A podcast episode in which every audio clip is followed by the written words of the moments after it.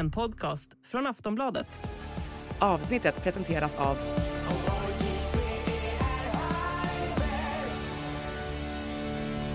Stödlinjen.se, åldersgräns 18 år.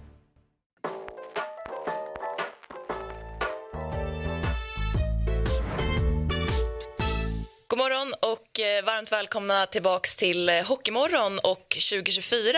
Eh, vi vill börja med att hälsa er eh, god fortsättning och säga välkomna till dagens panel i studion, eh, Robin Fredriksson och Björn Nord. Tack. Eh, vi ska snacka lite SHL, lite Hockeyallsvenskan och framförallt JVM idag. Och du, Björn Nord, har ju påpassligt också spelat JVM. Eh, vilket år var det? Oj, vad. Förlåt, jobbig fråga. Jättelänge sen i alla fall. eh, nej, jag var med och spelade. Eh, förmånen att få spela JVM. Mm, jättekul ju. Eh, Du hade lite bra lagkamrater med dig där också. Ja, precis. Eh, men det var ju ett kanonlag. Vi kom tvåa då. Verkligen eh, tappade det på, på... Det var nästan målfoto. Eh, då var det ju rak serie man spelade och så var det ingen slutspel. Okej. Eh, så att, eh, jag kommer inte ihåg. Det var väl säkert någon poäng. Vi, vi eh, hamnade bakom Ryssland. Eh, Eller, ja.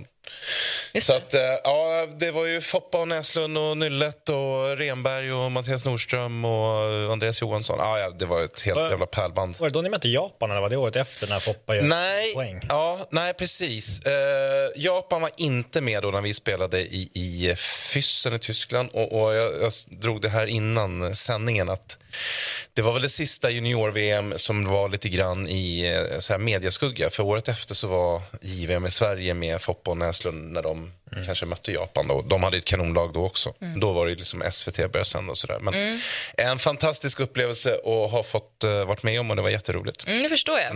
Du då Robin, har du följt JVM mycket? Kan tänka mig det. Men... Ja, alltså det har ju varit en, en stor grej de sista 15 åren kanske i tv. Ja, det har väl blivit lite så här jul nyårstradition mer eller mindre.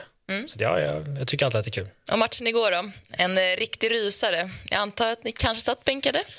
Ja, eh, det lev, den levde väl inte upp till förväntningarna, åtminstone inte svenskarnas prestation, men eh, Nej. Ja, den eh, får ju en bra start. Mål direkt, sen tar de en slarvig two many men och det känns som att här städar vi bara av. Men jag tycker att vi hela matchen liksom vaggas in i någon, inte vet jag, att vi trodde att det skulle gå lite enklare än det gjorde.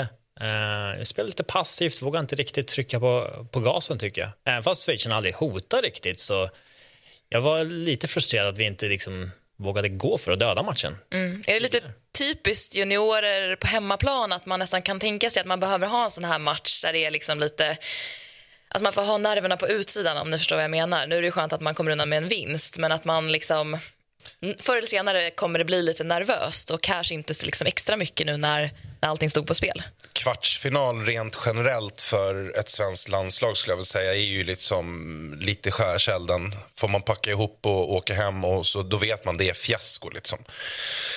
Eh, så är det. Du har allt att förlora i stort sett. Eh, eller inte allt, eh, men, men, men väldigt, väldigt mycket. Och, och eh, som sagt, det mentala spelet och som matchen blir igår. Någonstans så vet ju de här också om att Kanada har torskat tidigare under dagen. Det är väldigt mycket som ser väldigt, väldigt bra ut när vi bara har gått förbi kvartsfinalen.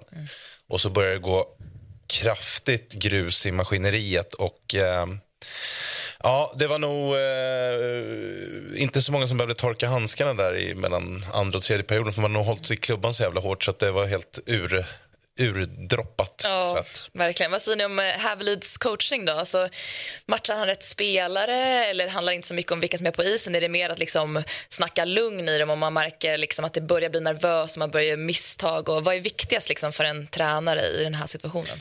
Jag tycker väl inte att han gör någonting eh, som aktivt lyckas så, utan vi spelar, ju- vi spelar väl helt okej, men eh, vi går inte för att döda matchen. Sen när, eh, jag, vet, jag vet inte om det är hans val att vi ska agera lite passivt på ledningen där och inte klassiskt junior, klassiska juniorspelet, att det ska vara omställningar fram och tillbaks, men i, det var lite märkligt agerat tycker jag, för att när det bara skiljer ett mål, det, det räcker med att de får ett skott och sen så är det kvitterat och det är ju det som händer. Och efter det så tycker jag aldrig att det liksom blir ordning på Sverige efter det, utan då, då var det en coin flip resten av matchen vem som skulle avgöra det här. Um, så att jag, jag, vet, jag tycker väl inte att han ska, jag tycker inte att jag gör någonting aktivt som man ska kreddas för här. Mm. Ja, vi ska kolla på ett inslag med matchvinnaren Axel Sandin Pellikka som också varit hyllad i SHL och gjort det väldigt bra där. Så fick han också avgöra nu. Ska vi se vad han säger. Matchhjälten Axel Sandin Pellikka, hur kändes det att smälla in den här? Mm, nej, det var helt magiskt. Jag, jag fattar som inte vad som hände men eh, det var jävligt skönt att se den gå in och ja, jävligt glad att vi går vinna nu den här fighten. Tror du se att pucken gick i mål eller vart det svart eller hur blev det? Nej, jag hörde bara folk skrika så då jag hade väl tänkt på någon målchans sen turneringen började så det blev, blev den jag åkte bara och skrek. Vad, vad tog du inspiration från den ifrån då? Nej, jag vet inte, bara, bara skrika ut all glädje så mycket som går. Det var en ganska tuff match för, för Sverige. Leder med 2-0, de kommer tillbaka. Eh, det var lite vatten på isen och lite pucktapp och så vidare. Uppstod en nervositet i, i laget? Ja, det är, det är väl självklart. Utan Eh, men om man inte känner eh, nervositet då visar man ju att man, eh, man inte bryr sig liksom. Så om man är nervös så bryr man sig. Så det är klart att hela laget blir, blir lite smånervösa men vi säger bara till varandra liksom att vi ska älska situationen och vilja vara matchhjälte och bara gå ut och spela och visa svenska befolkningen varför, varför vi ska gå vidare. TV-puckshög också, det var ett tag sedan som du kanske var med om det? Ja, jag har aldrig fått vara med om en sån men det gick väl från glädje till eh, smått panik där jag höll på att strypas lite grann men annars, det var jävligt kul. Hur många hade du över? 15 pers kanske? Nej, jag såg bara Oskar Petterssons ansikte, han skrek rätt i mitt ansikte men sen blev det bara tyngre och tyngre så ja, jag har tur att han räddade mig. Fick du ropa att de skulle flytta på sig? Nej, jag kom väl inte ut så mycket, det var mest på att jag inte kunde andas så det, men jag överlevde. Du träffade din eh, släkt här också under matchen, eller innan matchen. Det var ganska många här kändes det som. Ja, det är väl eh, 14 stycken med, med kusiner och, och släkt och allting så det är, det är grymt kul att de alltid följer med och kollar. Jag menar, det, är, det är en boost att veta att eh, de de finns, finns nära och finns på läktaren och kollar så det, är, det är grymt kul. Ja, det var eh, en bra intervju tycker jag. Men det är ju svårt det där att, att väga av liksom han erkänner ju såklart att man är nervös och det, det syntes ju såklart men sen så ska man ut och älska situationen och man ska vilja avgöra och, och bli hjälte och sådär. Är det att sätta lite för mycket press på eh, sig själv och sina lagkamrater eller är det det enda man kan göra i den här situationen? Alltså det är svårt att älska situationen och inte vara nervös samtidigt. Mm. Det, det blir det ena eller det andra jag tycker att man agerar ganska nervöst när de får 2-2. Att eh, man känner nog vad som är på väg att hända då. Och även Hugo Hävelid som har hållit nollan hela turneringen släpper in två mål ganska snabbt. Hur påverkar det han mentalt resten av matchen? Att oj, nu, nu, nu faller det här. Liksom. Det är ganska lätt att det blir, blir känslan, men eh, Sverige har ändå lite liksom, domarna att, att tacka på slutet. Man får ett powerplay sent i matchen när man får chansen att avgöra. Sen får man ett powerplay i, i overtime. Att, eh, man får ett lite smashläge där, även om utvisningarna ja, det gick väl att ta dem. Liksom. Mm. Sen, sen är det väl så här också, som, som, som matchen är och det, det är nervöst och som han säger här, det vore väl konstigt annars. Det är så mycket, mycket som uppfattas som slarv, alltså lätta misstag, lätta passningar som inte går hem och det, det är ju ett tecken på det. Och, och det här att Ja, men det, vi har hört det här förut, att vi älskar situationen. och det. Jag tror att också att det är ett sätt att liksom hålla igång eh, vad säger man, stämningen så att man liksom inte alla satt, sitter själva och går in i sin egen bubbla. och, och det liksom, man blir orolig över sig själv, man blir orolig över lagkompisarna. Så det är också ett sätt att hålla igång snacket liksom, på en positiv nivå fast alla vet att det ser så där ut just nu. Mm, ja, det tror jag verkligen mm. ligger någonting i det. Och vi ska faktiskt eh, gå över till Göteborg eh, där vi har eh, Sportbladets Jonathan Knäckta på plats på länk eh, som vet allt och lite till om eh, JVM. Tjena gänget. Tjena. Vi, vi hör dig men vi ser dig inte, men eh, det får väl duga. Nu kom du upp på bild också. Hej. Hur mår hej, du efter, eh, efter dramat i Skandinavium igår?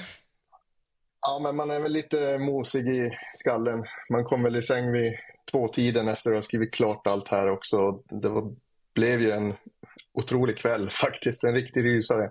Jag mår bra. Ja, härligt. Eh, någon som inte kanske mår lika bra det är väl hela det schweiziska laget och även tränaren där var ju rejält besviken efter matchen. Och utvisningen i sudden death den, ja, den har ju diskuterats om och om igen och det var till och med man var väl oense i svenska studion också. Hur eh, var ilskan efteråt och vad tycker du om eh, utvisningen? Eh, ja, men det var lite blandade känslor. Marcel Jenny då, svensk be bekantningen som eh, står i deras bås, han var ju väldigt arg precis när det hände hade lugnat ner sig lite efter slutsignalen. Sen pratade jag med några spelare som liksom köpte att det var en utvisning så de var inte jätteirriterade. Men Jenny han var ju faktiskt, han sa att han, det kändes som att domaren ville att Sverige skulle vinna där ett tag. Det var känslan innan han besinnade sig lite och tänkte att ja, ja, så var det väl inte. Men han var ju riktigt upprörd över eh, utvisningen i alla fall. Och eh, ja, jag, eh, jag tycker inte att det är jättemycket att snacka om. Det var ju en spearing just som ändrades till slashing där just i slutet av matchen också där Sverige hade kunnat avgöra som jag tyckte de klarade sig lindrigt undan med tvåa. Mm. Vissa ibland eh, pratar om att man ska höja då nivån för vad man får tillåta inte i, ett, eh, i en overtime. Eh, ligger någonting i det eller ska domarna hålla samma nivå hela matchen? Jag tycker det ligger någonting i det. Alltså, det, ska ju mycket till för att det ska bli en utvisning i, i övertid och på så vis kan jag väl förstå. Å andra sidan, eh, ja, jag vet inte, det, det, blir alltid en snackis, det är svårbedömt där. Men lite kan man höja ribban tycker jag, men det var ju absolut inget liksom, eh, katastrofalt domslut på något sätt tycker jag. Mm. Ja, men eh, Schweiz de gjorde ett ganska svagt gruppspel. Eh, de slog ju faktiskt bara Norge där och förlorade ganska klart mot både USA, Tjeckien och Slovakien. Var du ändå lite överraskad då över deras insats mot Sverige igår? Eh, gjorde de liksom sin bästa match för, eh, för hela turneringen? Ja, det gjorde de ju absolut. Men det här visar ju hur kvartsfinaler är. Vi såg ju Kanada mot eh, Tjeckien också där Kanada tappade tidigt 2-0. Det hade kunnat bli 3-0 till Tjeckien där också. Eh, sen ska det väl tilläggas att Kanada spelade upp sig och spelmässigt så var ju Kanada överlägsna i andra och tredje perioden men de fick inte in pucken.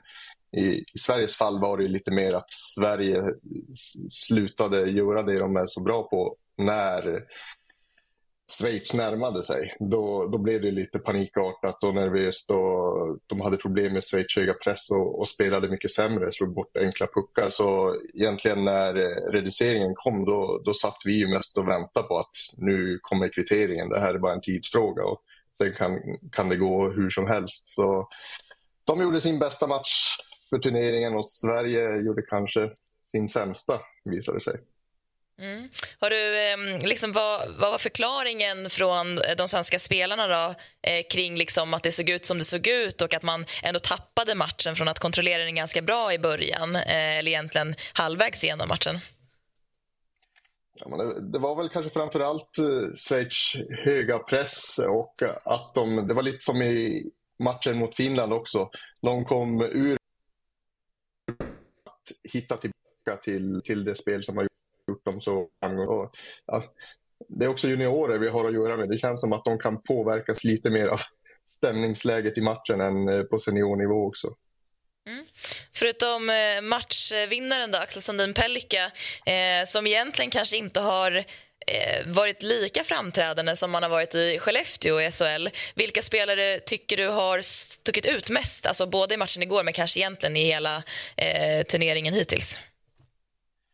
Ja, men det är väl, vi måste nämna Hugo Hävelid i målet som ju höll nollan i båda sina gruppspelsmatcher och höll nollan halva matchen här också. Han har ju varit otroligt bra. Målvaktssidan var ju ett litet frågetecken på förhand för han har ingen jättestark eh, häst i Djurgården bakom sig heller men eh, han har varit jättebra.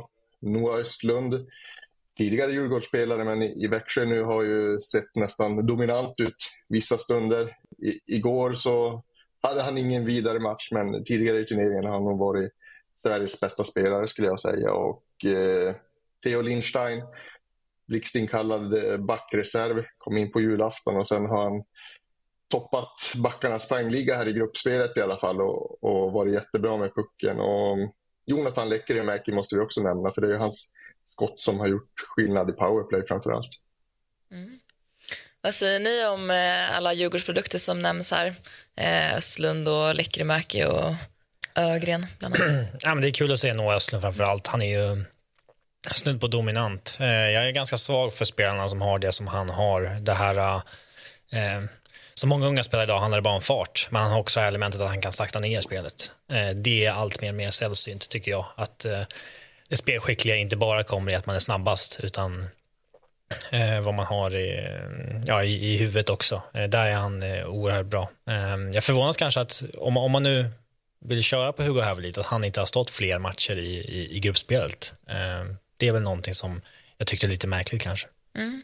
Det? Ja, nej, jag håller med. Det, det är som, som Östlund, eh, otroligt imponerad. Han, skillsen har väldigt många tycker jag, men just den här bedömningsförmågan och eh, pausera spelet och sådär. Men, men jag tänker också lite grann på som igår. Han skickar ju jättemycket signaler till medspelare, motspelare som ett hot eh, mot motspelarna men också säkerhet och all skicklighet medspelare. Han slår bort ett par riktiga passningar som jag tror inte ens han skulle göra på allmänhetens åkning längre. Och det, det är som sagt, det är bara, bara en sån sak säger någonting om, om eh, vikten, alltså pressen på laget och spelarna på den, på den här matchen. Och som sagt, kvartsfinaler, kvartsfinaler är ju generellt ett litet helvete. Mm, tror du att det är så när en liksom sån pass central ledande spelare eh, börjar se liksom skakig ut? Smittar det av sig på laget då, eh, Knäckta, tror du? Eh, ja, jag vet, eh, igår såg det ut som det, men jag vet inte om det var just på grund av att eh, Noah också var, var tagen av lagets allvar. Men det var ju på väg mot en kollektiv kollaps nästan som, som räddades upp. Sen hade Sverige tre skott i, i ramen också. Hade de fått in någon av dem hade det kanske blivit en helt annan match. Men eh, alla blev tagna av stundens allvar igår. Mm. Men eh, de är ju bra i PP i alla fall, Sverige. och Det är ju viktigt. och eh, Lekkerimäki är ju, precis som tidigare nämnt, väldigt duktig där. Hur tror du att det kommer eh, liksom vara avgörande för Sverige framåt? Eh, hur kommer det stå sig mot Tjeckien till exempel? Nej, men det är ju jätteviktigt såklart och vi har ju en riktigt bra powerplay-uppställning. Nu var det Sandin Pellika som avgjorde här. Han eh, har gjort flest powerplay-mål av alla i SHL, till och med eh, sju stycken. Och nu gjorde han sitt första igår. Det var ett löst skott, men ändå. Eh, och en nyckel till eh, Sveriges eh, powerplay-spel i den här turneringen måste jag säga, det har varit Anton Wahlberg framför mål. Jag vet inte hur många mål han har eh, stått framför målvakten i, i deras tryne och så har puckarna trillat in. Sandin Pellika sa att det är väl bara skjuta på sidan om honom så är det 95% chans att pucken går in. Och det ligger väl eh, någonting i det. Och de, de flesta vinnarna av JVM har också haft eh, bäst powerplay, vilket säger någonting. Mm. Hur var stämningen igår i Skandinavium? Jag vet inte, inledningsmatchen var ju väldigt bra och igår i en kvartsfinal då, då hoppas man att det ska liksom explodera. Eh, var det så för dig som var på plats? Eh, ja, det var väl lite bättre stämning i Finlandsmatchen skulle jag tycka. Det, det, var klart bra drag men det var som att publiken också blev tagen av det som pågick där på isen. Och jag kom på mig när de började klappa igång i, i förlängningen att bara just ja, det är, det är ju fullsatt här och ett jäkla tryck men eh, det var som att de också blev tagna och, och det blev nästan tyst där ett tag. Och sen var det ju så att eh, man köper dagsbiljetter till den här turneringen och det är jättemånga kanadensare på plats här, flera tusen som har en stor eh, sektion där och eh, i och med att de åkte ut så var det någon, många som gick på puben och sörjde istället där så, så det blev ju några tomma platser. Även om det var slutsålt så var det inte fullsatt kan vi sammanfatta det. Normally being a little extra can be a bit much. But when it comes to healthcare, it pays to be extra. And United Healthcare makes it easy with Health Protector Guard fixed indemnity insurance plans. Underwritten by Golden Rule Insurance Company, they supplement your primary plan, helping you manage out of pocket costs without the usual requirements and restrictions like deductibles and enrollment periods. So when it comes to covering your medical bills, you can feel good about being a little extra. Visit uh1.com to find the Health Protector Guard plan for you. Har de då också köpt biljett eh, till semi och final, tror du? Så att de kommer eventuellt behöva välja ett lag om de väljer att gå på matcherna eh, framöver, eller? Jag är inte hundra på, på hur det funkar det där faktiskt. Men det, det är ju många kanadensare här och de är ju hockeytokiga också. Så om de nu skulle ha biljetter redan till semifinal och final så tror jag åtminstone att de kommer dyka upp då. Om de inte jag har en magkänsla av att de inte kommer välja Sverige då, eller vad tror du? Det känns inte som att Sverige är deras favoritlag. Fast i och för sig var det Tjeckien som men... slog ut dem. Så att... Ja, men alla man har pratat här älskar Sverige. Jag, jag tror nog de vill vara med om stämningen också som ett hemmalag kan bjuda på. Mm. Vi pratade lite om eh, Hugo Hävelid. Hållit nollan, det är väl nytt JVM-rekord i över 150 minuter. Sen så släppte han två mål då, eh, igår men har väl gjort en väldigt väl godkänd turnering överlag. Och, eh, vad säger du om honom och det faktum att han faktiskt är odraftad och, och så vidare? Tror du att eh, många har fått upp ögonen för honom nu efter den här starten? Ja, men så borde det väl vara. Sen är det inte, jätte, alltså det är inte jättekonstigt att målvakter inte är draftade. De, de brukar ha lite svårare att framförallt bli draftade högt. Eh, men han har ju verkligen fått eh, visa vad han kan den här turneringen. Han har kämpat lite med värmen. Det blir otroligt varmt i Skandinavien. Så I gruppspelsmatcherna här så har han haft, eh, alltså tappat väldigt mycket vätska under matcherna och fått återhämta sig mycket. Och när det har gått så pass bra som det har gått för Sverige i gruppspelet så tror jag att man har tänkt lite på det när man har roterat på målvaktssidan också. Det har liksom inte varit någon panik att han måste stå i den avslutande matchen mot Finland liksom, i och med att den var i, spelade ingen roll tabellmässigt och så. Eh, men han har sett dunderstabil ut skulle jag säga. Mm. Och eh, du har ju sett honom mycket i Djurgården. Vad kan du säga liksom, om eh, hans insats där jämfört med nu? Är det samma typ av målvaktsspel? Han har varit ganska misstagsbenägen. Han har haft en tuff säsong. Eh, men det är hans första på seniornivå. Många var kanske förvånade att eh, ett lag som Djurgården var den som gav Hugo Hävelid den här chansen. Eh, så att, nej, han kommer från en, en tuff säsong. Mm. Ja. Tror du att det här kan vara liksom bra för Djurgården, en slags vändning eller tycker du att det är helt olika situationer man hamnar i som målvakt när det är liksom faktiskt juniorspelare man möter och eh, ja, Hockeyallsvenskan? Så vi får väl se hur den här turneringen slutar för honom men i och med att han är redan på en ganska låg punkt, liksom Djurgårds status, så borde det bara kunna bli en positiv liksom, injektion av att ha gjort en bra JVM-turnering om man inte liksom, går på en rejäl mina här i semin mot tjeckerna. Men um, nej, jag tror bara att det är positivt. Annars brukar vi kunna se en JVM-baksmälla på spelare som, har, eh, som är riktigt svaga när de kommer tillbaka till JVM. Men um, det, det, borde inte kunna bli så i det här fallet. Mm. Tycker man ska kasta in honom direkt eller tror att han kommer behöva vila någon vecka? Ja, det, nu har ju André varit ganska bra så att eh, det är väl ingen stress så med att få in Hävelid. Mm. Ja, nej, jag, jag tror verkligen det här som det har varit så här långt för honom så har det varit perfekt. Fått avbrott från, från eh, vardagen i Djurgården, eh, komma till något annat, eh, få framgång, skapa trygghet. Eh, och som sagt, det är lite grann kvar av den här turneringen men eh, vi kan ju bara prata om det vi har sett så jag tror att det är jättebra för han på så många olika sätt och naturligtvis då bra för Djurgården i förlängningen också. Mm. Eh, om vi snabbt ska summera då Juniorkronornas eh, fem matcher så här långt. Eh, hur lyder den analysen knäckta? Ja, börjar ju så himla bra som det bara kan gå och eh, var nästan oroande för går man rent i ett gruppspel så brukar det ju skita sig till slut, i alla fall för Sverige känslan.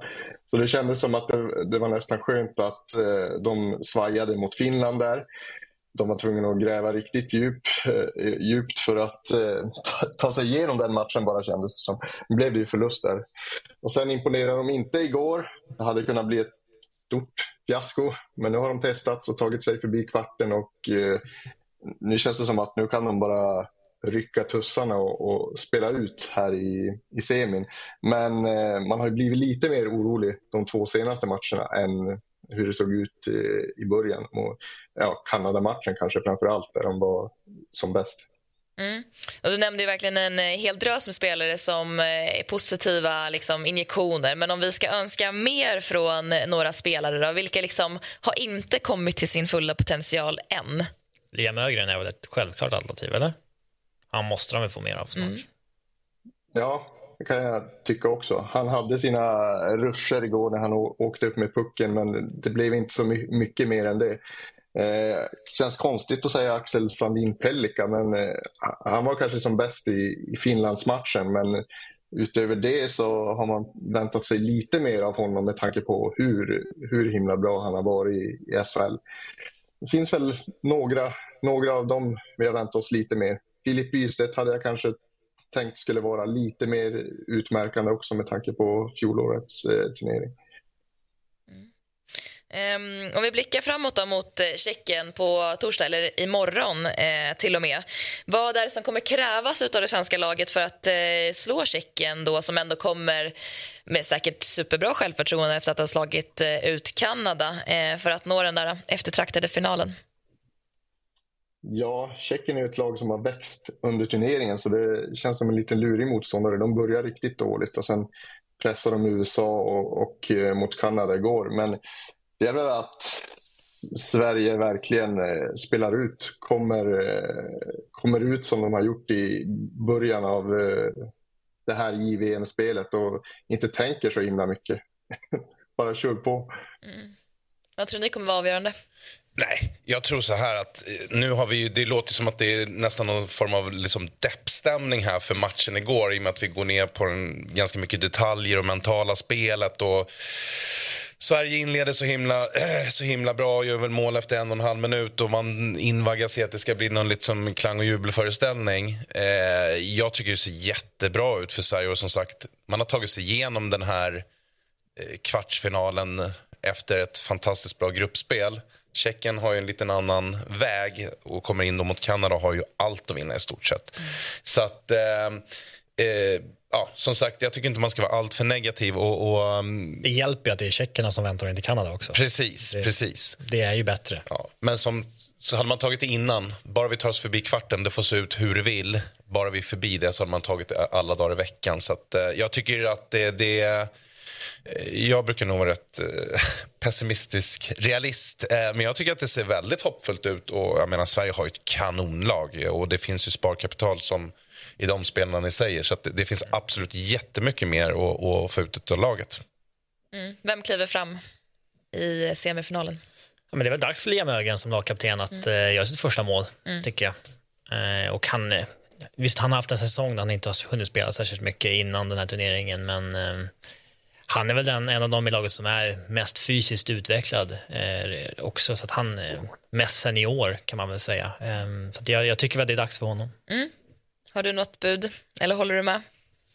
Det finns, det finns ju en hel rad här. Det är ju liksom jag säga, kända namn redan nu med, med Pellika och Läckermäk och hela gänget. Men eh, som sagt, eh, eh, jättebra att du säger det. Som sagt, eh, Liam har ju haft det tufft med skada och, och inte lirat så mycket. Och jag menar, han gör ju inte bort sig på isen, det är inte det. Utan det är väl så här, man vill gärna att kanske kaptenen också får Mm. Får ett par poäng, för det ger en boost eh, liksom psykologiskt. Så jag ser det som ett jättebra sparkapital. Och, och, nu fick han en match till i kroppen. Och igår har han faktiskt ett par passningar och några i virket. Så att jag menar, han kunde ha gått därifrån med kanske två poäng. Skulle åtminstone haft en assist med ja. igår. Han siktar in sig helt enkelt ja. och blir bäst när Vi ska inte döma Liam så hårt, vi, vi skyller på lagpoolen som inte kan sätta chanserna. Nej, precis. Eh, vi ska också gå igenom de övriga kvartsfinalerna. Eh, Kanada-Tjeckien har vi pratat lite om. Eh, hur stor skräll är att det här, den här upplagan av Kanada får eh, liksom respass i kvartsfinalen?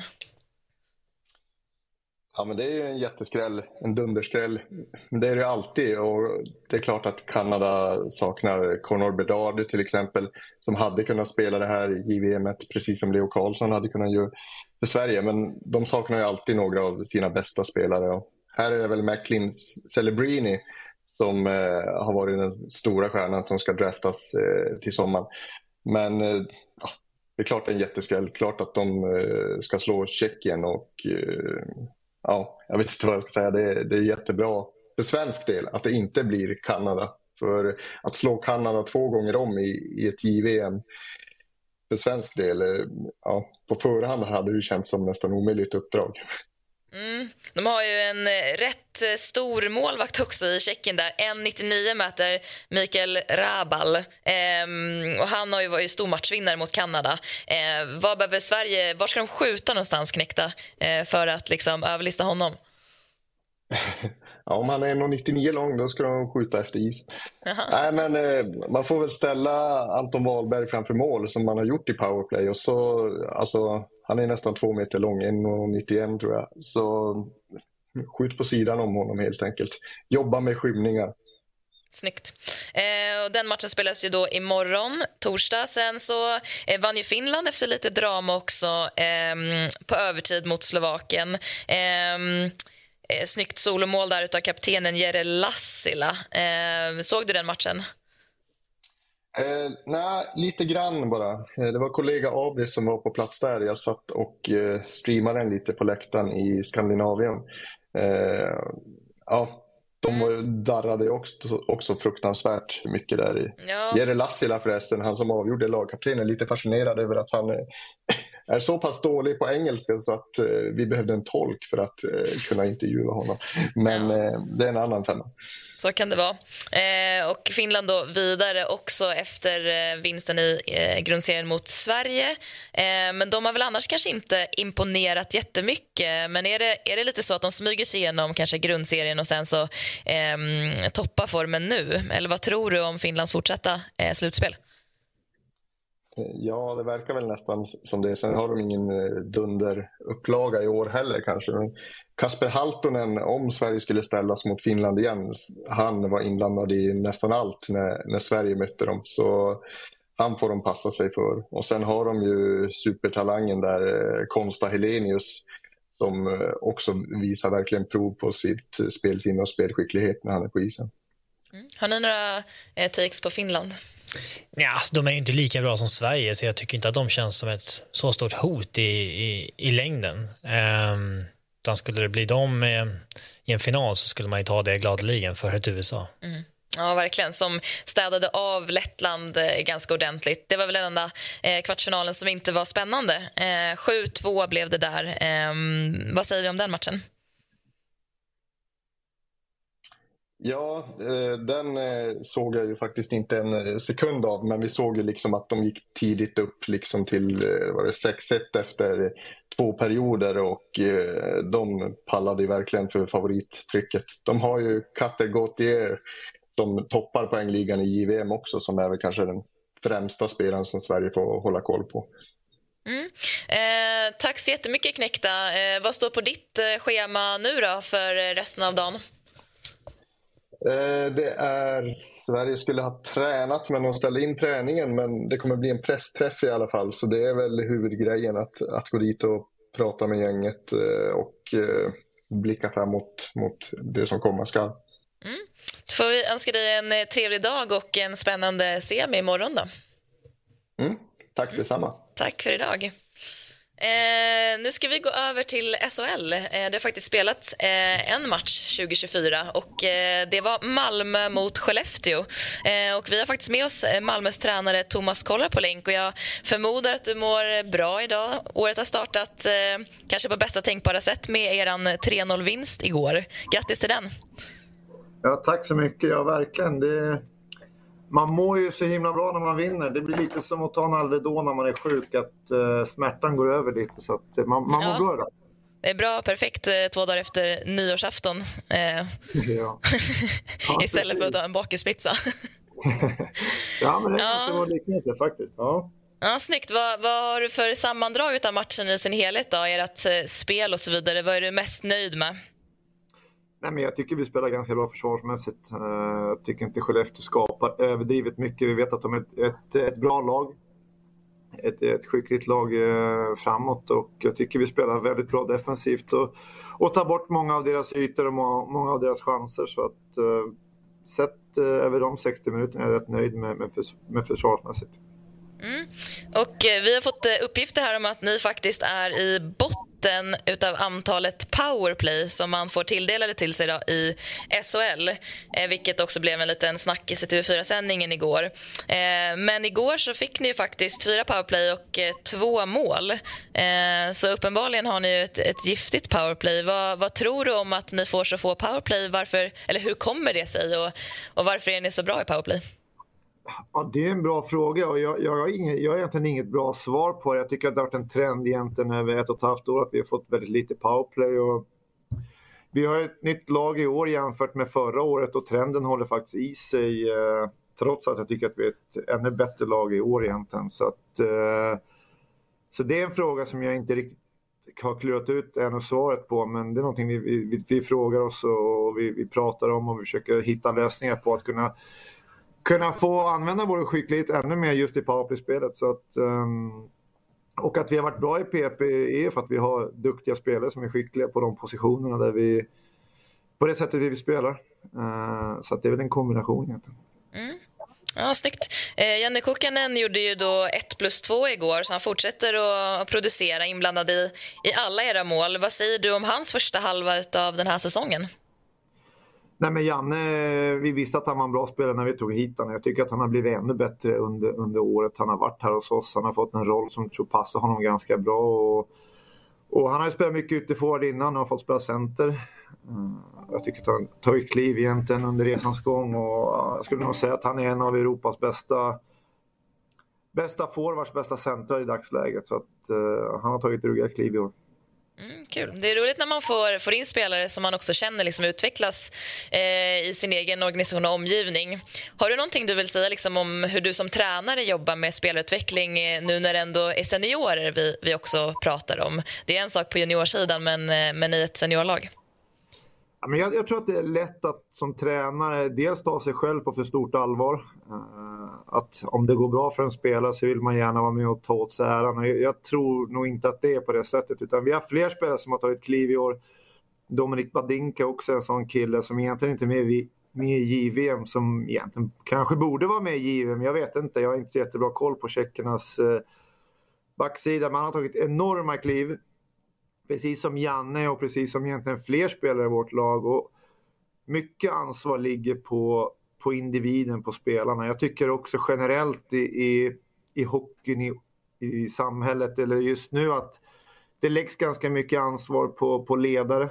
Uh, att om en spelare inte lyckas så är det oftast tränarens fel. Men jag skulle nog vända på det att när, när spelare blir bättre, som i det här fallet Janne som lägger ner mycket tid, tränar extra, ruggigt seriös, ruggigt noggrann. Samma med Badinka med flera. Så att det ska tilläggas att de gör ett jättejobb och, och de äger sin utveckling och det, det, är tack vare dem som de har blivit bättre. Uh, Hur fan funkar det då? Jag, mis, jag misstänker att ni ledare har en sjuk press på er från agenter och spelarutvecklare och personliga tränare. Det ligger lite som chokladboxar i, till dig och Limatainen och Tjärnqvist varenda dag när ni går ner till uh, kontoret nu när ni har haft positiv utveckling. Eller är det, bara, är det tyst så är det jävligt bra? Ja, men det är nog, det är nog det är som, det är, jag ska kunna jämföra med ett föräldraskap. Om du inte hör någonting från skolan om ditt barn, då är det förmodligen ganska bra. Mm. Eh, när det är dåligt, då kommer ju lärarna och rektorn höra av sig att nu har ditt barn misskött sig. Och hör du ingenting, ja då kan man utgå från att det är ändå det är okej. Okay. Jag tror nog lite samma sak här i det här fallet. att så fort det är någonting som inte är bra, ja men då hörs det och syns det ganska ja. väl. Jag, jag, vill nog vända det lite mer generellt till det här med eget ansvar. Jag tycker att det läggs för mycket ansvar. Att du som ledare ska bära andras ångest och andras misslyckanden och andras tillkortakommanden egentligen. För det är faktiskt inte så. Folk får chansen, folk har möjligheten. Det är lite vad du gör med, med, med det, de resurserna som finns. För att, vet ju du också Björn, när du spelar för för 20 år sedan kanske. 100 år sedan, ja. Ja, men lite så. Jo, men, men det är ganska intressant att jämföra tider. Och man ska egentligen inte göra det för att man ska inte säga att det var bättre förr. För det var inte bättre förr. För det är faktiskt bättre nu. Men du fick inte samma, men du har fortfarande samma ansvar som spelare. Du måste göra någonting med det, det som finns eh, och du kommer inte få det serverat utan du måste jobba för dig själv. Och det tycker jag de här spelarna har gjort som har tagit utvecklingen. Och, och jag har jobbat en del på juniorsidan också. Jag tycker jag kan se samma mönster jag tycker att jag ser samma mönster där. Många som gnäller, många som har åsikter, många som egentligen vill byta klubb så fort det inte passar. Det blir oftast ingenting i slutändan. Utan de som biter i, de som tränar bra på daglig basis, de som gör ett bra jobb hela tiden. Det är oftast de som får framgång. Ja, vad intressant. Tack snälla för, för den eh, insikten, Thomas. Eh, vi ska prata lite mer också om eh, liksom, laget i sin helhet och er prestation över hela hösten. Om du ska sammanfatta lite de här 30 matcherna och er nionde plats, eh, vad, vad skulle du säga då? Nej, men jag skulle säga nog att vi började säsongen väldigt bra. Eh, jag tror vi låg fyra efter 17 omgångar va, när vi hade det novemberuppehållet. Sen, sen har vi inte riktigt hållit uppe trycket. Eh, efter det, vi hade en liten svacka efter det och eh, förlorade lite matcher. Eh, Spelade inte lika konsekvent som vi gjorde innan, framförallt försvarsmässigt. Och jag tycker vi har hittat tillbaka till den, till den delen nu. Det jag däremot tycker har varit väldigt bra egentligen över hela säsongen, det har varit energin i gruppen. Det har funnits en tro och ett, en jäkla drive i, i gruppen. Och vi, väl, vi har väl seriens yngsta lag också. Det kanske ligger någonting i det, att det finns en ett en ruggigt tryck i gruppen och man tränar bra hela tiden och, man pressar varandra och det finns en, en bra skön avslappnad miljö att vara i. Så att, uh, tycker jag ändå att sett över de 30 matcherna så, så är jag nöjd med, med många saker och vi har också identifierat saker som gör att vi vinner matcher och, och blir framgångsrika som vi måste vara över tid. A lot can happen in the next three years. Like a chatbot maybe your new best friend. But what won't change? Needing health insurance. United Healthcare Tri Term Medical Plans are available for these changing times. Underwritten by Golden Rule Insurance Company, they offer budget friendly, flexible coverage for people who are in between jobs or missed open enrollment. The plans last nearly three years in some states, with access to a nationwide network of doctors and hospitals. So, for whatever tomorrow brings, United Healthcare Tri Term Medical Plans may be for you. Learn more at uh1.com. Eh, Thomas, du har ju varit med ett tag när Malmö har gått från att vara ganska fysiskt stort lag till att vara mer spelskickliga idag. Är det någonting som kommer från dig eller är det ovanifrån dig, från sportchefshåll, skulle du säga? Björn har ju byggt det här laget, eh, tycker jag, ruggigt noggrant. Han har haft både Hadlöv och Linus som är våra analytiker. De har suttit och kollat på de här parametrarna egentligen. Vad, vad, behöver vi förändra? Vad behöver vi addera? Vad behöver vi utveckla för att bli ett bättre lag. Och någonstans kommer man fram till att den här ligan är, den är tight, den är jämn. Vi pratar lite om powerplay och utvisningar. Alltså det, det blir så små, små detaljer som blir avgörande. Men att någonstans kunna ha ett förande spel med pucken blir avgörande över tid. Att kunna passa pucken till varandra och kunna äga spelet med puck. Eh, och det är väl det vi har kommit fram till. Ja, du kom in på min nästa fråga här faktiskt att eh, SHL är så himla jämnt i år och det är så himla små marginaler som avgör liksom, mellan plats fyra och liksom, tio egentligen. Eh, vad, vad är det som kommer krävas av er liksom, rent spelmässigt nu eh, under våren och, och, fram till ett eventuellt slutspel? Eh, vad kommer liksom bli skillnaden jämfört med, med andra lag som ligger runt omkring er i tabellen? Jag vet inte om det kommer bli jättemycket skillnad mot alla andra, men det vi har pratat väldigt mycket om det är våra grunder i spelet. Det är lätt också, och jag tror jag får ta på mig lite av det när det väl gick bra, att man vill gärna addera saker i spelet, man vill gärna utveckla spelet och det kanske är fullt naturligt att man vill ta nästa steg, men jag tror att glömmer man bort de basala grejerna i typ försvarsspelet, i att göra klart de sakerna som ändå bygger en trygghet i spelet. Och jag tror där, vi, vi landar där igen. Alltså göra det om och om igen hela tiden. Jag menar, kolla på ett sånt lag som Växjö.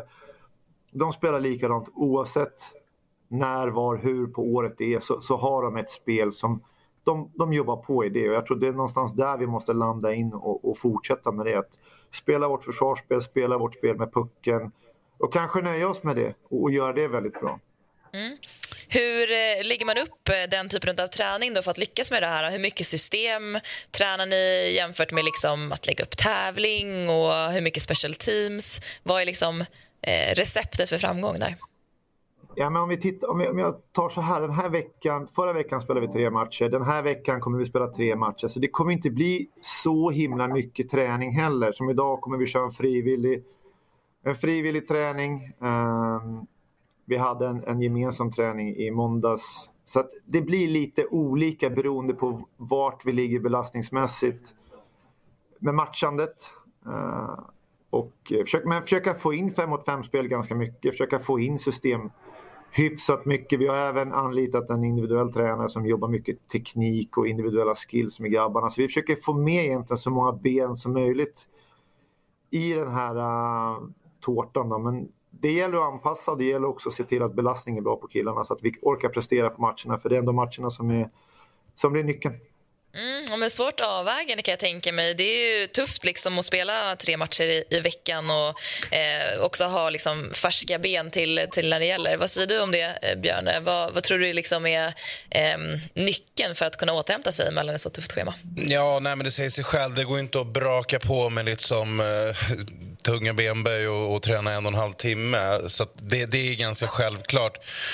Eh, som sagt, nu är inte jag så nära hockeyn här som Thomas och gänget. Då, men jag tänker sådär med, med som man eh, pratar om en ung trupp eh, Alltså mycket det här mentala och, och, det krävs faktiskt rätt mycket att orka hålla i de här om man ska säga, basala sakerna, grundspelet. Man kanske måste knacka ut pucken några gånger, även fast vi har vunnit haft lite framgång att man inte börjar göra för mycket grejer. Eh, det kan låta jättetråkigt, men, men eh, jag tror som där Malmö befinner sig nu så är det superviktigt. Alltså laget för jaget alla dagar i veckan. Eh, och det, det det, man kräver, eller det krävs eh, från, från ledare, jag ska inte lägga över ansvaret på ledarna, men att säga till mig som spelare att nu gäller det kanske att skärpa till sig lite grann här. Eh, att inte sväva iväg för mycket åt något håll som, som, inte, som laget ska åt. Liksom. Mm. Och laget ska ju eh, borta imorgon mot Växjö. ska ni resa till. Eh, och Sen har ni Frölunda hemma. Eh, hur ser då schemat ut eh, kommande dagar för er del? Eh, rent praktiskt faktiskt. Ja, men, eh, vi, killarna kommer in vid 10. Vi, vi tänkte vi har ett videomöte här vid 10 och går igenom matchen, eh, Skellefteå-matchen här och utvärderar den, stänger den. Eh, och sen så träffas vi imorgon. Isvärmning 10.30. Eh, möte inför matchen vid 11. Sen äter grabbarna lunch och sen åker vi buss 14.15 upp till Växjö, spelar där vid 19. Träffas igen på fredag, kanske lite senare, samling 11. Har en kort gemensam träning på is avslutar Växjö-matchen och sen förbereder Frölunda-matchen. Den är klockan 15.15 .15, så vi kommer inte köra någon morgonträning på lördagen utan det blir mer en fri aktivitet och sen samlas vi vid ett, går igenom eller förbereder Frölunda-matchen och sen, sen spelar vi 15.15. Mm. Ungefär så. Snyggt! Ja, precis så detaljerat som jag ville. Ja. En hockeyspelares vardag. Ja. Det var nästan så att man kände igen det här jag programmet. Vet. Det var himla härligt att ja. höra. Um, har du några speciella liksom, rutiner på matchdag? Ja, nej, kanske inte. Jag försöker röra lite på mig, men annars nej. Inte något speciellt. Man ändrar hela tiden. Vinner man, ja fan det där var bra, då kör vi det igen. Förlorar man, då ska man ändra någonting. Men eh, det är mer individuellt för mig själv. Men annars för laget brukar jag ha hyfsat liknande rutiner hela tiden. Mm. Eh, det var ju, en match krockade ju med JVM kvartsfinalen igår men eh, Anton Wahlberg var ju högst delaktig i 2-0 målet där och får mycket istid i första linan och även i powerplay framför mål. Hur mycket har du hunnit se av honom nu och eh, ja, i turneringen då? Ja, men in, ingenting eller ingenting. Jag såg ju lite matchen igår. Efter vår match så satte vi på. Den, annars har jag inte sett någonting. Vi har ju spelat eh, samma tider som de har spelat så jag har inte eh, hunnit se så mycket. Men jag har hört Anton gjort det väldigt bra. Eh, och kul att han, eh, han tar för sig mer och mer där och, och haft en stor roll i powerplay framför mål där. Så att, eh, skönt att eh, Sverige vann igår. Eh, sen kan man ju diskutera domsluten. Det kan man alltid göra. Någon... Tänker du på något speciellt eller? Ja, exakt. Ja, men om vi säger så här då, om, om det hade varit omvänt då, hur arga hade vi varit som, som eh, hejar på Sverige att åka på de utvisningarna emot oss? Var ganska arga förmodligen. Så att, men så är det ibland. Ibland har man med sig domaren, ibland har man mot sig dem. Eh, den här gången hade vi tur som hade med oss dem. Så att, eh, vilka blir det i semifinalen förresten? Jag har ingen aning. Ingen eh, Tjeckien blir det, som slog ut Kanada. Ja, exakt. Ja, men det, den, den såg jag, de 11 sekunder kvar där. Och sen är det Finland USA i andra semin.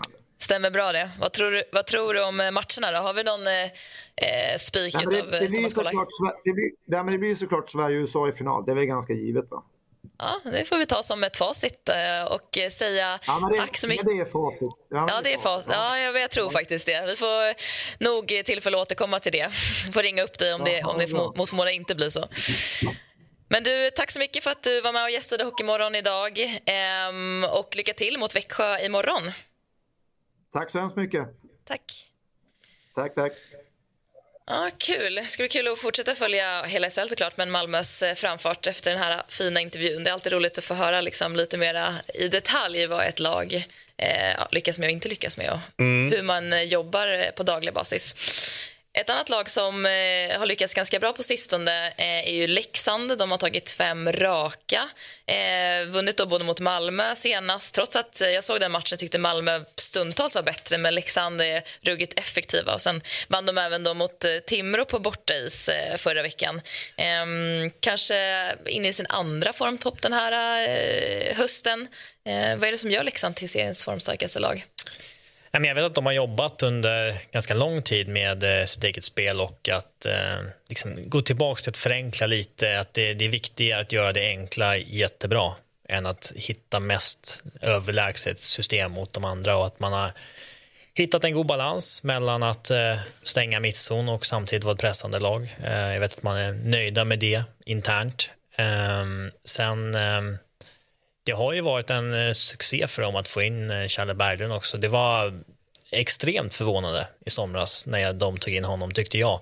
Eh, för att den bilden jag har av Thomas Johansson och den bilden jag har av Challe Berglund, det är väldigt olika hockey, hockeymänniskor. Ehm, men det där är alltid en intressant avvägning, att omgärda sig med människor som har exakt samma filosofi eller omgärda sig med människor som kanske bidrar med något annat. Ehm, men för mig är ju liksom eh, Tjomme och Challe ganska olika hockeytänkare, om man säger så. Mm. Du känner ju dem bättre. Ja, nu har vi inte suttit, eh, gått igenom system och sådär, men nej, jag, för min del så är jag inte jätteförvånad. Eh, sen kan de säkert ha olika syn på vissa delar i spelet och det, men, men i, i, väldigt grundläggande grejer så, så känner jag de två som går åt samma håll eh, direkt. Och jag tror att Challe är eh, jättebra att få in i ett lag, jättebra för HV. Och, eh, när de fick in honom, som det var någon intervju här i, i i någon tidning här tidigare med Challe, liksom att Djurgården då, nej men aldrig, det, det, det, liksom, det blir för mycket känslor med. Här kommer han in med, med verkligen utifrån perspektiv och kan bidra med allt han har samlat på sig, både som spelare och ledare. Och allt. Han kanske kan bjuda på något travtips också till, till, till trupperna så att de höjer upp stämningen. Så att det är både en stämningshöjare och eh, sen är han ju liksom, han har ju ett hockeyhuvud. Så att, eh, jag är inne på det som du säger också, att, att skillsen och allt det här finns i Leksand. De kommer göra de här målen när de slår åtta pass över centrallinjen och lägger in en öppet mål. Men liksom just det här eh, byte för byte, att, att eh, tajta till det i mittzon och ibland får man faktiskt slå en sarg ut när det behövs. Mm. Och Leksand är också kanske ett, eh, liksom, eh, jag vet inte, o, inte omoget men orutinerat lag alltså i, i den moderna hockeyn. De har varit uppe sedan 2019, gått till kvartsfinal en gång bara och då åkte man ju ganska ordentligt ut mot Örebro kommer, liksom den här, kommer det här laget nu ha spelat till sig så pass mycket rutin att de skulle kunna klara av ett slutspel bra? Eller Eh, vad tror ni? måste väl nästan ske i år. Det är väl dags att de gör lite väsen av sig i slutspelet. Och, äh, de börjar väl växa fram som den tydligaste utmanaren till Färjestad kanske, känner jag. Eh, det är väl det mest välfungerande laget. Så jag tror att de har eh, bäst liksom, expected goals framåt och eh, jag menar, de spelar ju även bra försvarsspel. de, de har ju haft det, det mesta. Mm.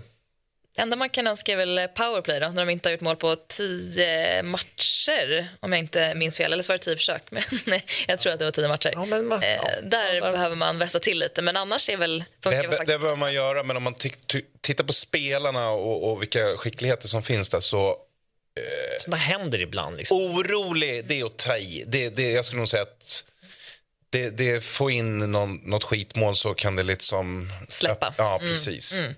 De är i alla fall uppe på en tredje plats i tabellen kan vi se. HV tog även en ruggigt viktig seger mot eh, Växjö hemma. Och nu är det då, ja, det är fortsatt kan man väl säga, fyra poäng upp till, till Rögle. De eh, minskar ju inte avståndet egentligen någonting poängmässigt utan de de tar några segrar, men det är fortsatt jobbigt för HV. Eh, vad tror ni där ändå? Då? Kommer det bli ett race eller eh, kommer Rögle hålla undan?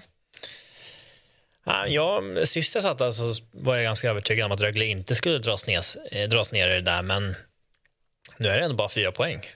Eh, men jag skulle absolut betta på Rögle före HV i, i längden, men ju längre det varar desto mera nerv blir det ju. Ja. Det, Kul för oss att sitta och spekulera Ja, det och, och så, men fy fan, usch. Eh, jag vill inte vara med där. Men Nej. det, jag tror det kommer bli jättetajt. Mm. Eh, och eh, jag är jätteimponerad av Modo, men vi får väl se. Ja, orkar de hålla i nu Ja. resten? De har haft så bra höst.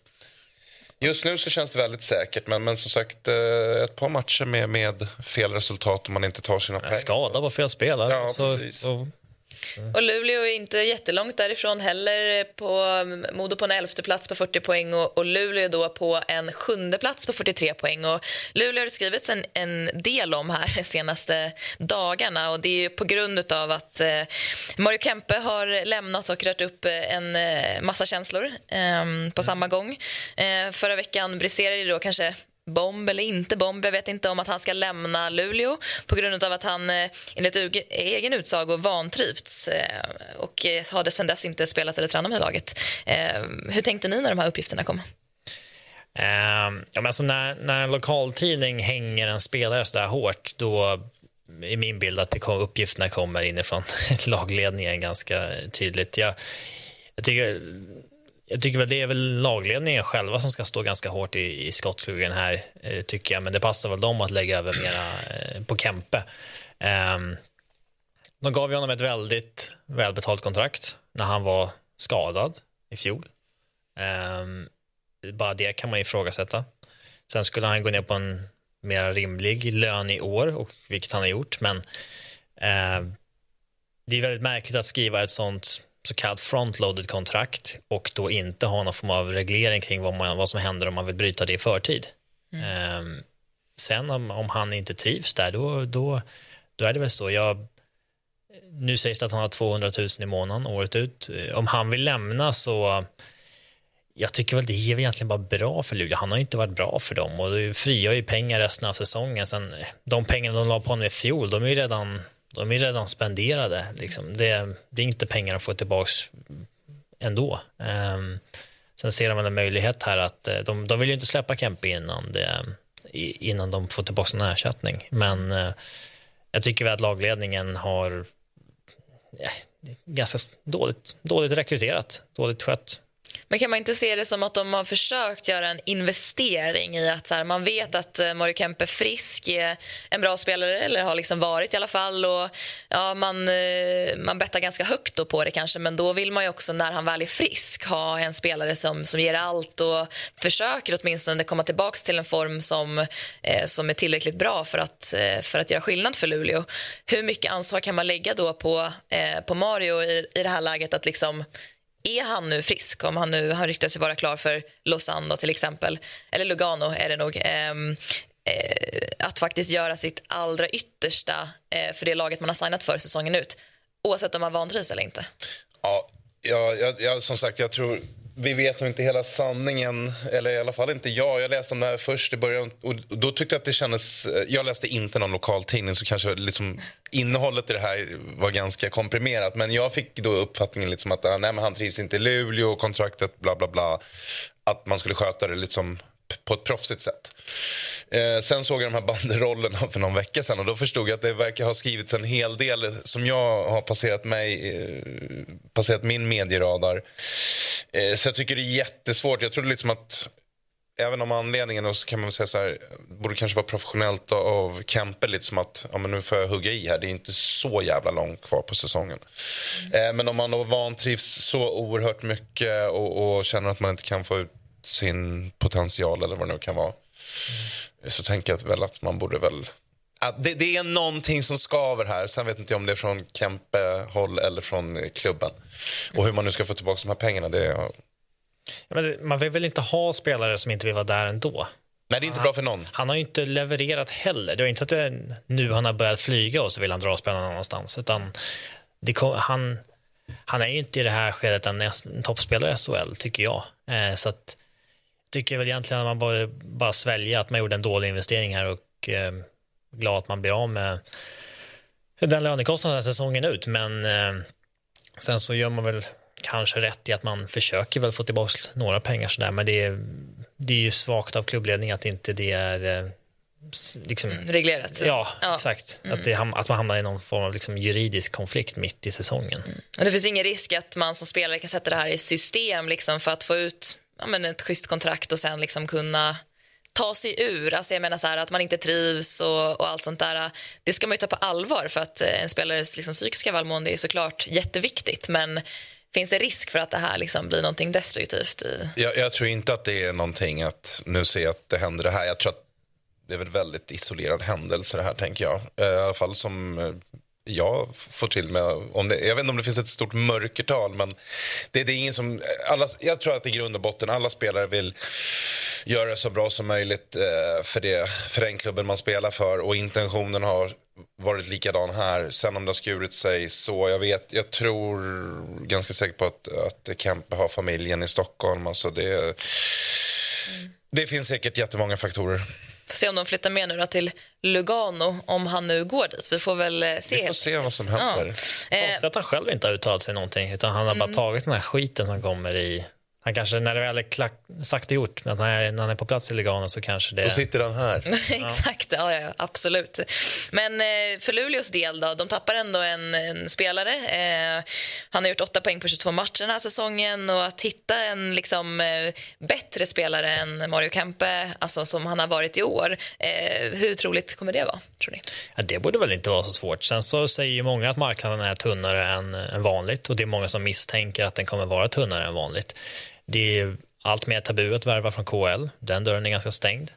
Ehm, finska ligan har ju under många år sålt av spelare i slutet på säsongen men där börjar det liksom shameas lite grann att man inte ska göra det. Så den, den dörren kommer nog vara lite mer stängd också.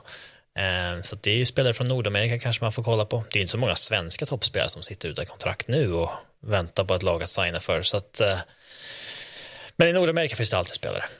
Vi väntar väl på Phil Kessel som dök upp här. Vad, är- vad, vad, vad är Kessel? eh, Verkligen, var det han? Det hade ju varit... Han kommer till studion nästa vecka. Ja. Ja, precis. Too tired to clean your floors after playtime? Forgot to vacuum before your friends bring their little ones over? Let Eufy X10 Pro Omni help. Powerful 8000 PA suction removes debris, and MopMaster dual mop pads scrub away stubborn stains with ease. Save time and keep your floors cleaner. Want to know more? Go to eufy.com, that's EUFY.com, and discover X10 Pro Omni, the best in class all in one robot vacuum for only $799. Eh, och sen har man även problem lite på målvaktssidan. Lassinantti har eh, körtelfeber. Har vi fått höra. Därför har man lånat in eh, David Rautio från Skellefteå, hör och häpna. Eh, vad, vad säger vi om det då? Det har ju liksom kanske lite så inofficiellt varit lite kritik mot att man lånar in från den absolut största rivalen och även bara på två veckor. Spelar det någon roll?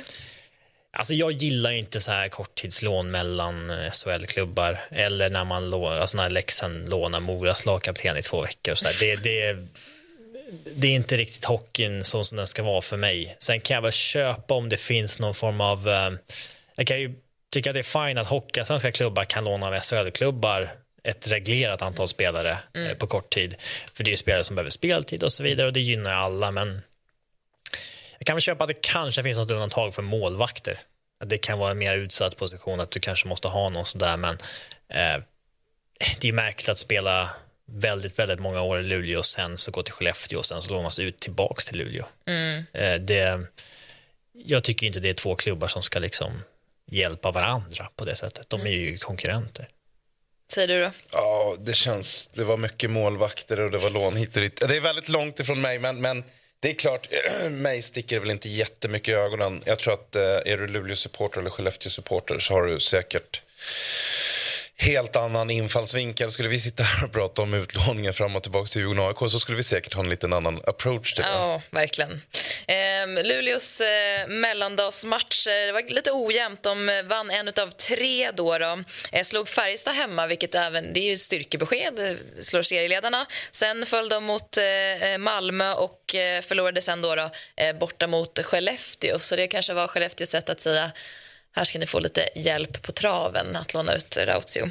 Sen har vi ett till målvaktslån faktiskt. Och då är det mellan ligorna eh, här så det är kanske lite mer okej. Men det är AIKs eh, norska målvakt Tobias eh, Norman, eller Norman, mot eh, Oskarshamn. Eh, och eh, enligt eh, Nya Värmlands Tidning ska Färjestad även vilja ha kvar Norman till eh, torsdagens match mot eh, Frölunda då både Max eh, Lagas och Carl Lindbom eh, är fortsatt skadade. Så de, Färjestad alltså, har det lite eh, körigt faktiskt på den sidan eh, nu. Kan det vara ett, eh, liksom ett svaghetstecken nu om de är jag vet inte om de är långtidsskadade, men vad händer liksom för Färjestad som ändå innehar serieledningen om båda deras målvakter är skadade? Ja, det är väl klart att det hotar om du tappar bägge målvakterna så, men jag vet inte om Carl Lindbom, eh, om hans problem blir långvarigt eller inte, men... eh, Han satte sig på, på knät. Det var lite Ja. liksom, märklig skada. Det såg Samma inte knä alls... som han pajade i slutspelet i Djurgården. Ja, det var det. Ja, Tror jag. jag antar det också Ja. eftersom det var så liksom, oklart. Mm. Det är, väl, det är väl tidsaspekten, känner jag. För jag menar Färjestad som, som lag, det är, de, de har haft en liten formdipp här ett tag nu. Det är bara att titta var de ligger i tabellen och de, de, de kommer vinna sina matcher. Liksom. Men eh, Kalimbo borta, det är, ja, det är inte bra. Nej, vi får hoppas för hans skull att han liksom inte har pajat det där knät igen utan att det bara är en försiktighetsåtgärd. Och här har vi även eh, kommande SHL-omgång då, som är full omgång på torsdag. Eh, vi har lite Norrlands... Ja, man kan inte säga att det är derby, det är rätt långt mellan Luleå och Modo. Eh, Färjestad-Frölunda är också en, eh, ett klassikermöte. Vilket, eh, vilken match är ni mest fram emot? Um, alltså jag är alltid en sån som dras till botten eh, till bottenstriderna. Alltså om HV vinner mot Örebro, då börjar Örebro dras ner i det där allt mer. Ehm, jag tycker att det är väldigt spännande med bottenstrider och vem åker ur och så där. Jag vill absolut inte se någon stängd serie, utan det ska vara, man ska kunna åka ur. Eh, så att eh, Örebro HV ska bli intressant tycker jag. Ja, eh, Färjestad-Frölunda skulle jag nog börja med. Eh, och sen är jag ju väldigt eh, illojal mot eh, de här. Jag menar, skulle jag dra iväg där, då byter man kanal direkt. Eller, eller byter match direkt. Men spännande som du säger, Örebro. Eh, att jag är ingen bra tippare, det, det vet jag sedan länge. Men jag har liksom sett som Örebro har liksom jobbat upp den här stabiliteten under några säsonger. Jag hade nästan räknat med dem topp 6 med lite variation. Så att, eh, Inte fått till det i år. Nej, spännande att se hur man hanterar det nu om det nu skulle bli förlust ett par matcher. Och, och som sagt, eh, jag tror man har en, också en självbild av att man har kommit upp på en nivå som är liksom ett snäpp högre än att man ska behöva titta neråt utan snarare lite mer uppåt. Spännande och kul eh, med eh, full omgång och att vi är tillbaks i SHL. Vi ska även eh, ta ner ytterligare mellandagsmatcher. Vi hade ju ett eh, stekhett derby och Ja, det är ju skönt för mig att, att sitta och prata om den här matchen i efterhand. Kanske inte lika kul för er, ni är båda djurgårdare, men AIK vann då sista derbyt i Globen med 3-1. Jag antar att ni såg matchen. Jo. Eh, vad, vad har ni att säga om den? känns som det var en evighet sen faktiskt. Ehm, nej, men det, det är väl klart att det, det påverkar ju det som händer att, att Djurgården tappar Kryger i första perioden och får ett, ett matchstraff sådär. Och, ehm, jag tycker att Djurgården är bättre i andra, första och andra, alltså spelmässigt bättre, men jag var ju besviken på att det inte fanns någon eh, kräm kvar i tredje perioden. Det vart ju ingen forcering alls. Det kändes bara... Eh, Det, rull, det rullade på isboll. liksom Ja. bara. Och det fanns egentligen ingen bra anledning till det. Det hade varit uppehåll eh, och sådär. Så att det, det, det vart jag väl lite besviken på. Mm. Och eh, jag vet att du var lite kritisk mot eh, Albin Greves eh, tackling där och inte mot matchstraffet i sig, om jag minns rätt. ja, jag- Eh, har du ändrat ståndpunkt eller kan du känna att du håller kvar vid den? Så här? Nej, alltså jag tycker att det är dåligt eh, agerat av honom. Sen när liksom kritiken mot honom som person växer sig för starkt, då vill man gärna liksom pendla tillbaks lite så att det inte ska bli så. Jag vet ju att Albin, så, så länge han vet själv att han har gjort fel och liksom mår dåligt över att han sätter laget i problem igen, för det är ju det som är det stora problemet, att han, att han för andra gången på kort tid tar ett tidigt matchstraff i en match, att de får börja med en, en fem minuter boxplay. Um, det, det, så kan man inte hålla på i, i längden, men det, jag vet att Djurgården um, alltså, stöttar honom och så. Han, han har mått dåligt över det här och eh, Djurgården spelar ikväll mot eh, Östersund. Det ska vara tifo på plats och jag vet att Albin Greve var där och hjälpte till med, med tifot och sådär eh, i, i, när när han är avstängd. Eh, så att det, det är en kille som Djurgården eh, ändå ska liksom värna om tycker jag och, och, och backa i det här. Ja, nej, han har ju ögonen på så hade ju det innan AIK-matchen också. Så att det, det blir, landar ju inte så jävla bra. Eh, sen som sagt proportionerna efteråt, det blir liksom lite lätt sådär moralpanik och det jämförs både kors och tvärs och sådär. Men, men det kanske tillhör lite också mediedramaturgin att eh, liksom måla upp någon sådär. Men, men eh, det, jag tycker det är jättebra att Djurgården stöttar. Och det, det är liksom det, eller jättebra, det, det är självklart att, att, att klubben ska göra det. Det spelar ingen roll om det hade varit Djurgården eller något, något annat lag heller. Så att, och jag, menar, jag vet ju själv att man kan ju må svindåligt att dra en tia för snack eller någonting och sätta, sätta laget. Jag vågar inte ens tänka mig att sätta mig in i Greves situation här nu. Men hockey är ju för mig en sport där man, man, kan vara ganska förlåtande mot det här att man kanske tar en dum utvisning och sånt där för att det är ändå någon som säger äh, ibland måste man markera. Det gör inget att du tog ett, eh, en utvisning. Så, men eh, för min del, alltså hur, hur, vad sägs i ett omklädningsrum när en spelare har tagit ett matchstraff liksom, för andra matchen på kort tid? Och, eh, är, är det bara liksom jag tror, på axeln? Eller? Nej, jag vet inte. Direkt efteråt, som jag kan bara gå till mig själv så vill man ju liksom bara gå in och städa av det direkt och bara liksom ställa sig upp och säga jag ber om ursäkt, så jävla korkat. Mm. Det är väl det vanliga att en spelare liksom... Ja, jag tror det, det, det är... Vi, vi, lider med greve, men eh, som sagt, han mår nog skitdåligt. Eller om man har gjort en sån grej själv, man har gjort en hel del dumma grejer. Och, I alla fall jag personligen kunde känna så direkt efter de här jävla orden hade flugit ur munnen eller man hade tagit en helt pajasutvisning så känner man bara så här, vad håller jag på med? Mm. Ja, jag har ju, tror det eller ej, tagit ett matchstraff, kanske två, och det är jättejobbigt. Alltså man skäms ju mm. ganska mycket och liksom det är väl aldrig med flit man gör någonting, liksom, eller väldigt sällan någon spelare gör någonting som är så dumt och kanske är ute för att skada och sådär. Så det är, och framförallt i derby, alltså, det är spel på marginalen på gränsen hela tiden. Och Det Greve gjorde var inte speciellt smart.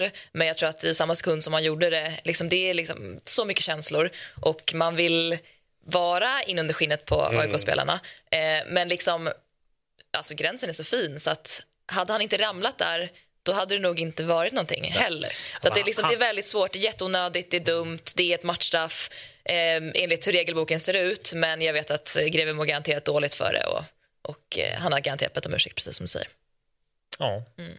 Mm. Tror jag verkligen. Så att, eh, men hur ska man göra då som en tränare i det här läget? Det är ändå liksom, vad har han, tre matchstraff under hösten? Ja, alltså man ska komma ihåg att det första är ju ett tramsmatchstraff. Det är ju det som när de, har, de har ju tagit krafttag mot att det blir bråk efter slutsignal. Mm. Så alla liksom roughing som sker efter en slutsignal bedömer de som fighting. Så han fick ju tre matcher för att det var lite kramkalas och Liss fick två matcher. Ja, den var ju... Just det. Mm där var det bättre förr om man säger så. Men eh, eh, det är två tacklingar. Mm. Det är en mot Mora i ryggen som egentligen är mycket farligare än den här. Eh, den här bedöms väl hårdare i och med att det är en återfallsfaktor.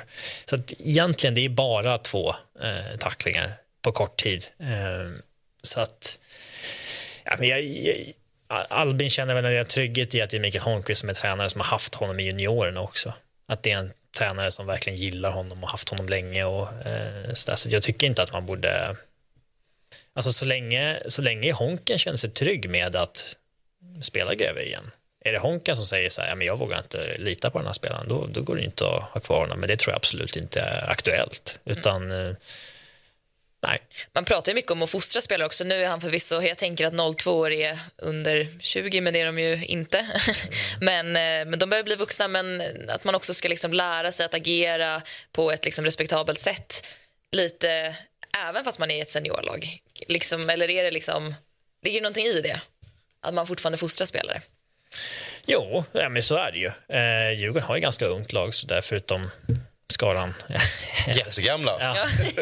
Ehm, så att, eh, men man har många ledare i den gruppen som kan hjälpa till i en sån här situation. Ehm, så det gick väl förhållandevis bra för AIK-spelaren också. Han spelade ju, spelade ju vidare så där. Ehm, så att det var så länge att oroa sig för där. Mm.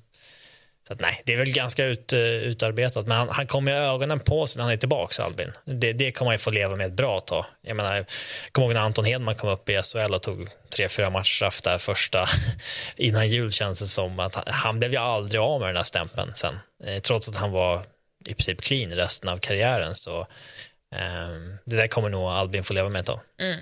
Men eh, Djurgården hade ju en bättre, eller betydligt bättre mm, eh, match mot eh, Södertälje då, eller i alla fall resultatmässigt. Spelade väl bra mot AIK Mm. också.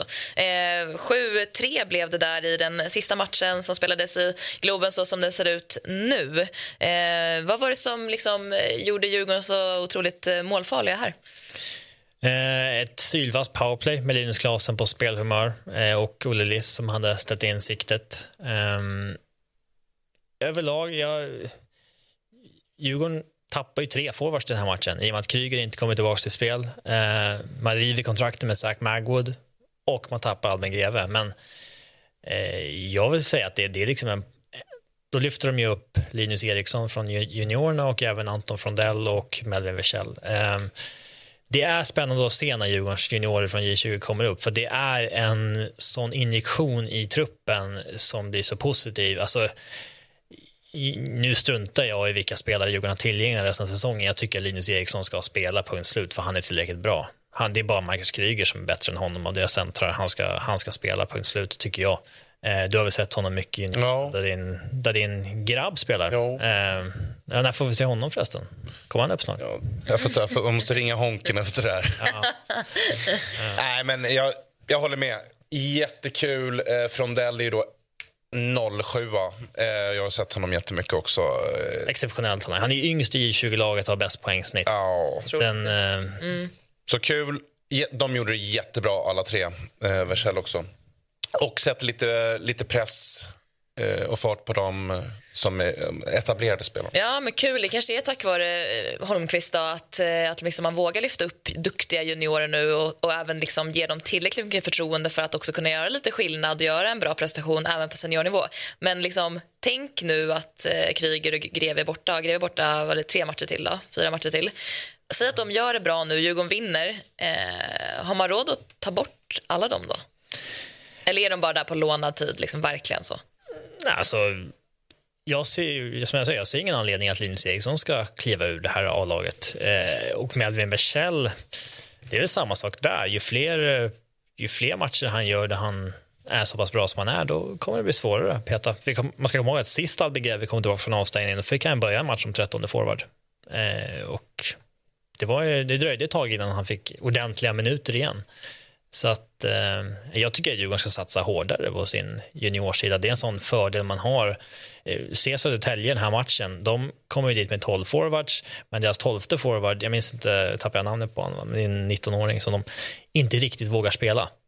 Och sen så tappar de Turgeon i, i mitten på första perioden, så att de rullar ju på 10 forwards matchen ut för att de har inte den här bredden. Att Djurgården kan ta upp liksom fem, sex olika forwards från J20 utan att det blir liksom ett tapp spelmässigt. Det är en, en unik bredd som man har där. Eh, så den, eh, den tycker jag att man ska nyttja hårdare faktiskt. Eh, att göra det till sin nisch Mm. nu när man inte har så mycket pengar. Nej, och sen är det ju på den här nivån. Ja, jag vet att vi inte pratar SHL här, men det är ändå, det är ändå ganska hög nivå. Det är liksom det bästa lag som ska spela. Sen om du är född, vilket år du är född, det, det, det spelar mindre roll. Liksom. Eh, går ändå hyfsat bra här. Vi kollar på tabellen eh, för Stockholmslagen nu. En ganska ovan syn, men man börjar väl vänja sig lite. Vi har Södertälje 2, AIK 3, Djurgården 4 eh, och Brynäs fortsatt en ganska klar serieledare. Ehm, eh, vi har ju Djurgården-Östersund ikväll, va? Du ska dit. Jag ska dit. Björne. Ja. Vad, vad tror du om den matchen?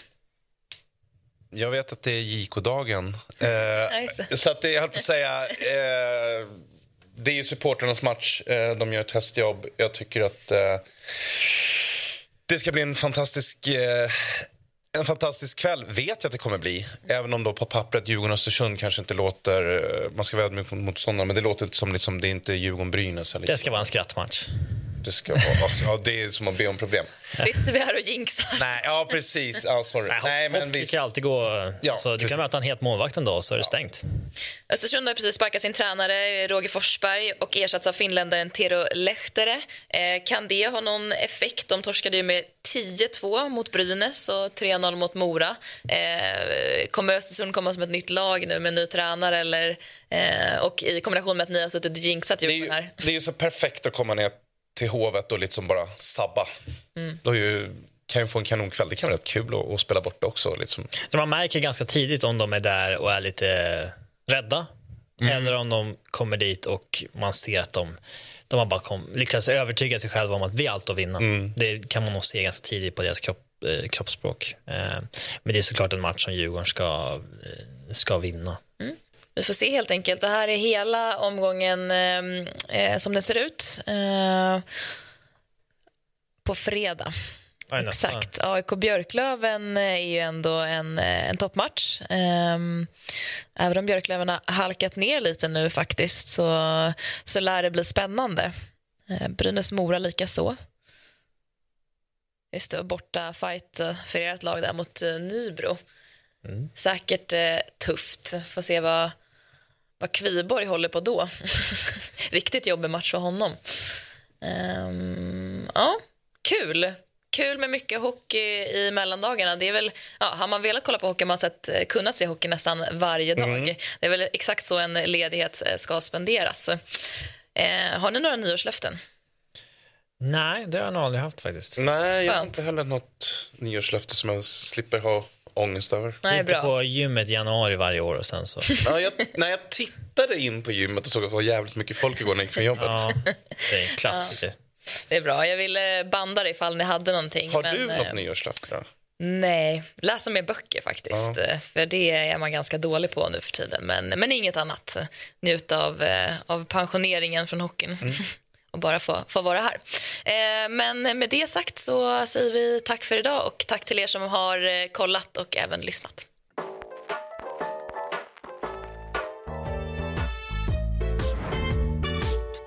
Du har lyssnat på en podcast från Aftonbladet.